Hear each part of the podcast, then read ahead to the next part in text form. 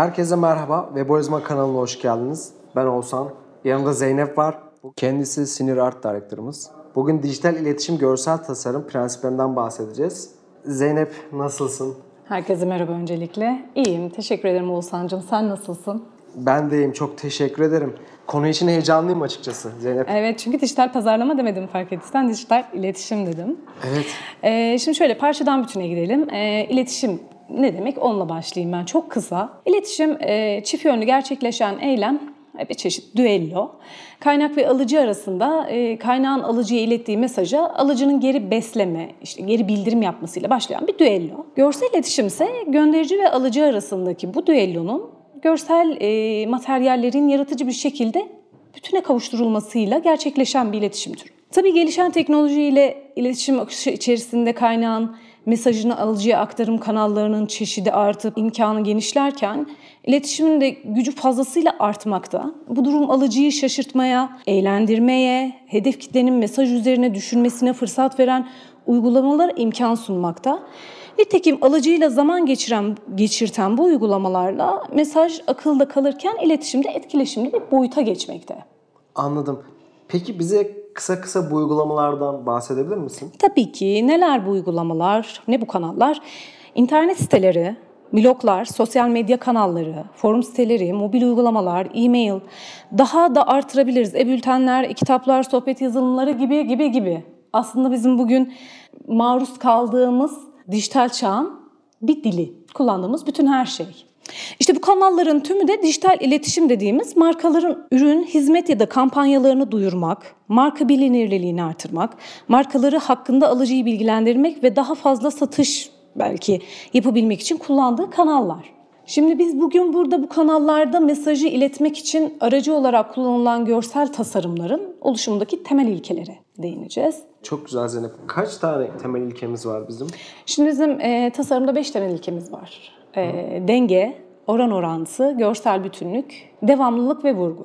İlk olarak dengeden başlama şansımız Evet, var mı? dengeden, tabii dengeden başlayalım. Başlayalım.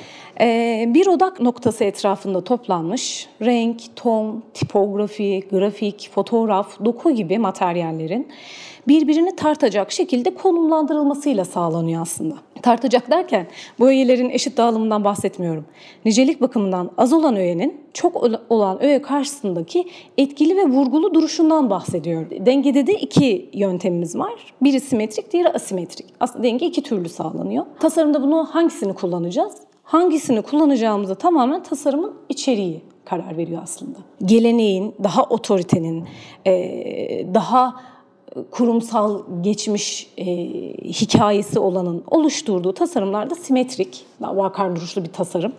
E, daha cesur, daha sorgulayıcı içeriklere sahip tasarımlarda da asimetrik dengeyi kullanıyoruz. Yani simetride düzen var, asimetride biraz daha canlılık, keyif ve kural dışılık var aslında. Kural içinde kural dışılık var. Oran orantı diyeceğim ikinci ilkemiz. Bu da e, tasarımın odak noktası dedik ya az önce Evet. e, dengeden bahsederken. Odak noktayı biz mesaj öznesinin nerede konumlandırıldığına ve kariyerler arası boşluksal ilişkilerin oranlarına bağlı olarak belirliyoruz. Kafamıza göre değil. Boyutlar arası ilişkiler olarak da ifade edebileceğimiz bu kavram çoklu öğe kullanılan tasarımlarda devreye giriyor. Bu öğelerin genişlik yükseklikleriyle oluşturduğu hacmin tasarım yüzeyinde e, oranlanması aslında böyle hacimdi, yükseklikte, genişlikte gibi kelimelerim biraz matematiksel gibi gelebilir ama evet tasarımın bir matematiği var. Oran orantıda da bu matematik üçe bölme kuralı, tek sayı kuralı, Fibonacci dizisi, Renard dizisi, altın oran gibi tekniklerle sağlanıyor. Ee, ha tabii ben tasarım yapacağım deyince alıp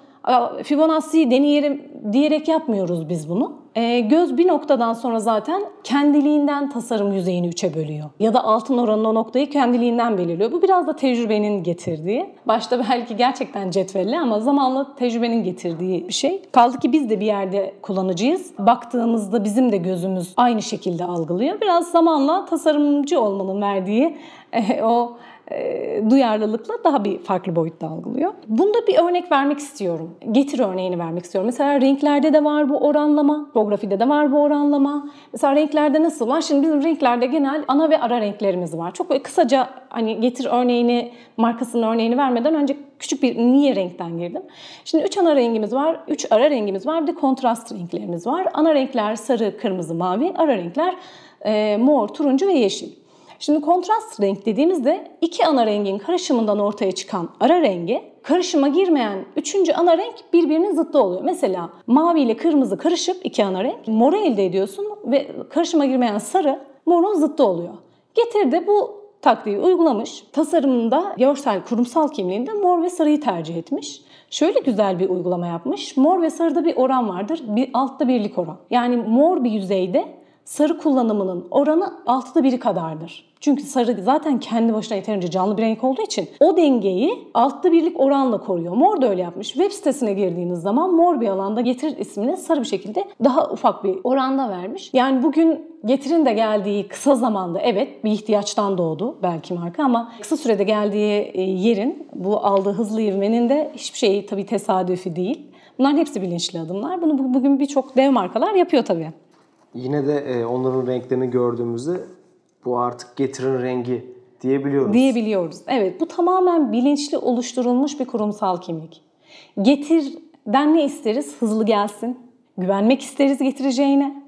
Sarı da hem hızlı hem güveni veren ki ortak kavramı da barındıran bir renk. Bunu da en iyi morla gösterirlerdi. Çünkü aslında sarının zıttı ve birbirinin tamamlayıcısı aynı zamanda. Zıt renkler ama tamamlayıcı renkler. Çok bilinçli kullandığından sonuç ortada yani. Bugün çocukların bile dilinde. Güzel bir örnekti. Evet güzel de bir başarı. Gerçekten güzel bir başarı. Bu ilişkilerin sağlandığı bir etken de görsel hiyerarşi, oran orantı ile kurulan.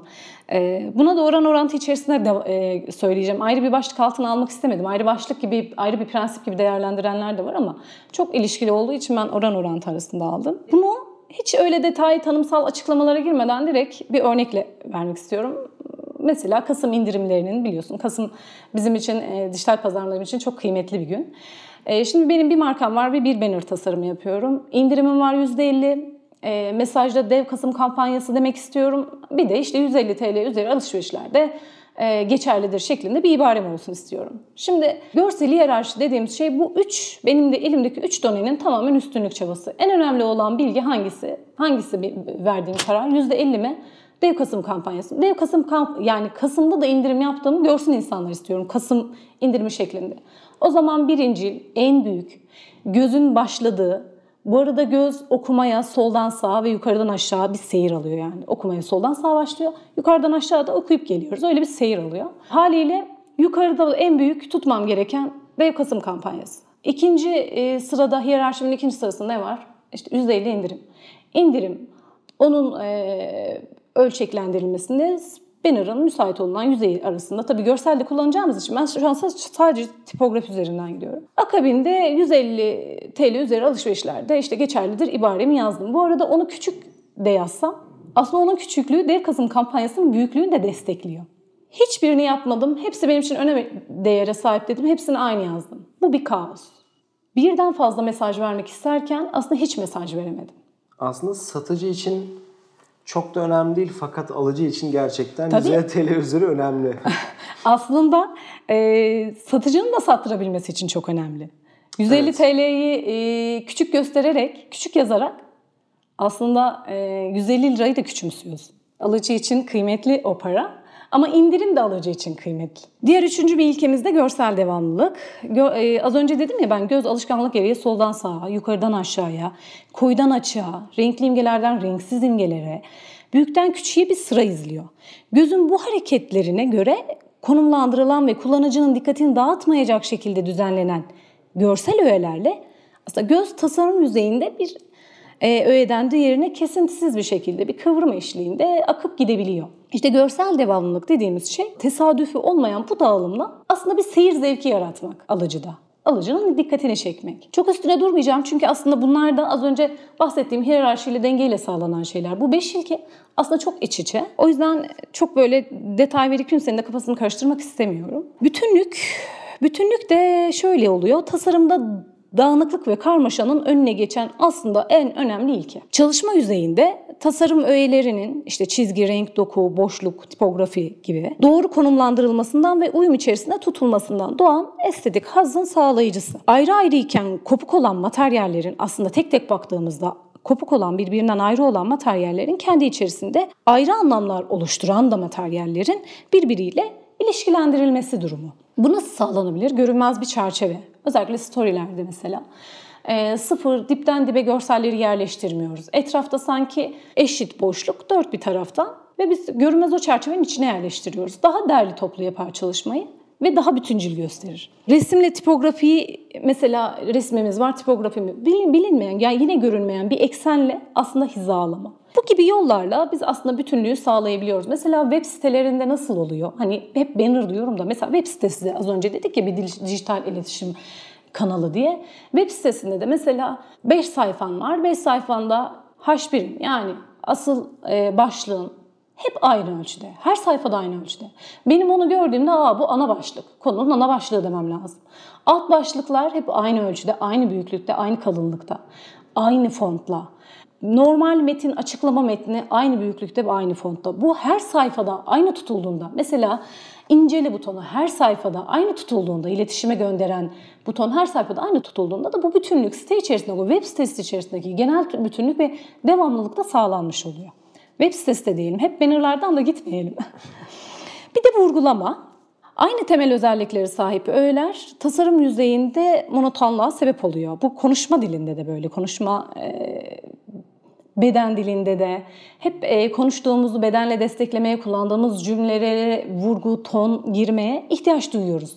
Daha etkili bir iletişim için. Bu tasarımda da böyle. Bu yüzden tasarımda kullanılacak öğelerin önem seviyelerinin verilmek istenen mesaja göre tabii önceden belirlenmesi lazım. Tıpkı az önce hiyerarşide dediğim gibi. Dedim ya hepsi birbiriyle iç içeler. Evet hepsi birbiriyle iç içeler. Çünkü vurgu gözün tasarım yüzeyindeki görüş açısını belirliyor ve tasarım yüzeyi üzerindeki göz hareketlerinin konumunu netleştiriyor. Mesajın asıl taşıyıcısı olan öğe yüzeyde mesajın daha hızlı ve etkili iletişiminin sağlanacağı optik merkeze konumlandırılıyor. Şöyle düşünün, birden fazla öğemiz var ve hepsi aynı tasarım özelliklerine sahip. Bu algıyı zorlaştıracaktır. E, muhtemel değil, kesinlikle zorlaştıracaktır. Karmaşa olacaktır. Dolayısıyla her şeyi vurgulayalım derken az önce de bahsettiğim gibi hepsinden olacağız. Hiyerarşik bir sıralamayı koyup onu da odak merkeze, işte oran orantıda altın oranın nereye geldiğini yani gözün e, hizalamasında işte hangi teknikle fark edilmez kullandığınız zaman odak merkezi, optik merkeze yerleştirdiğinizde etkili bir sonuç almanız da kaçınılmaz Oğuzhan'cığım. Bugün e, bilimsel veriler öğrenmenin %60'ının e, görerek yapıldığını söylüyor. Yani bir marka tasarımı es geçtiğinde aslında neye es geçiyor biliyor musun Oğuzhan'cığım? Rakibinden %60 geride başlıyor. Yani %40'lık bir performansla rakibiyle mücadele etmeye çalışıyor. Mümkün mü başarı? Sana soruyorum, sen reklamcısın. Aslında şöyle e, %60 dediğin çok önemli bir dilim. Bu iletişimde de bu şekilde beden dili yani ben burada bir şey anlatıyorsam sadece konuşmak yeterli olmayacaktır. Beden dilini ne kadar etkin kullanırsam o kadar da kişiye istediğim mesajı aktarabilirim. Bunu hemen dijital pazarlamaya yorumlayalım. Sonra da e, son verelim Zeynep. Görsel dijital pazarlama için çok önemli bir etken. Gerçekten verilen mesajı doğru vermeliyiz. Kitlemize doğru mesajla gitmeliyiz. Biz bunu gerçekten başarabiliyorsak alacağımız verim de o kadar artacaktır. Verdiğin bilgiler için çok teşekkür ediyorum. Hepsi Ben gerçekten çok değerliydi. Ben Ağzına teşekkür sağlık. ediyorum. Desteğin için, davet ettiğin için, sohbet için ben de çok teşekkür ediyorum. Herkese çok teşekkür ediyoruz biz dinledikleri için. Evet kesinlikle zaman ayırdıkları için herkese çok teşekkür ediyoruz. Görüşmek üzere. Kendinize